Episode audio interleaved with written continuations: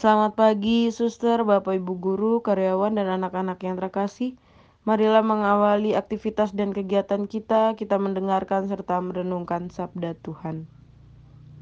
Marilah berdoa. Dalam nama Bapa dan Putra dan Roh Kudus. Amin. Allah yang penuh belas kasih, syukur dan terima kasih atas rahmatmu yang tiada hentinya kepada kami hingga pada pagi hari ini. Pada pagi hari ini kami akan mendengarkan serta merenungkan sabdamu.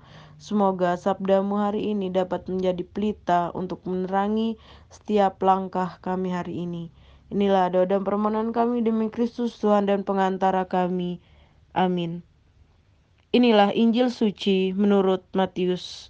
Dimuliakanlah Tuhan. Sekali peristiwa datanglah murid-murid Yohanes kepada Yesus dan berkata, "Mengapa kami dan orang Farisi berpuasa, tetapi murid-muridmu tidak?" Jawab Yesus kepada mereka, "Dapatkah sahabat-sahabat mempelai laki-laki berduka cita selama mempelai itu bersama mereka?"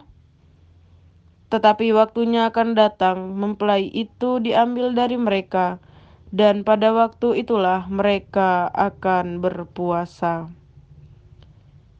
Demikianlah sabda Tuhan.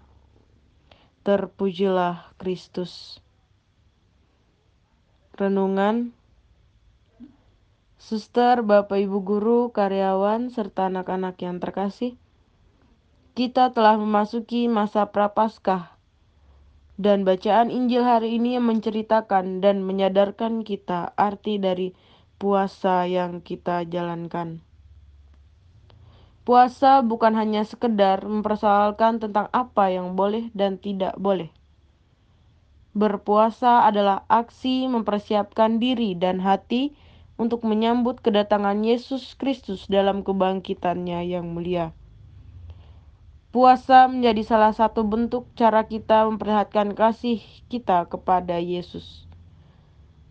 Puasa bukan hanya karena kita mengikuti tradisi gereja saja, melainkan juga untuk menahan diri dari segala godaan dan nafsu duniawi. Seperti yang dilakukan Yesus pada saat 40 hari berpuasa.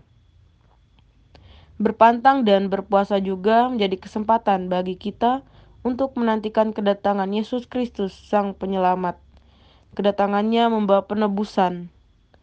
Saat penantian, hendaknya kita isi dengan berbagai kegiatan rohani, seperti berdoa, membaca kitab suci, mengikuti pendalaman iman dan retret, melakukan mati raga atau askese, menerima sakramen tobat, dan lebih banyak lagi, agar diri kita semakin diperkaya.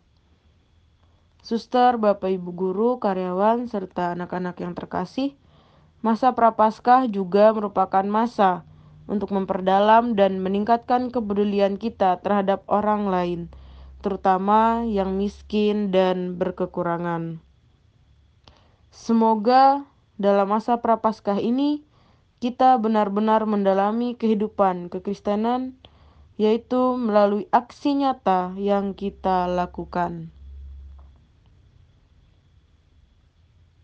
Semoga renungan singkat ini dapat menguatkan iman kita.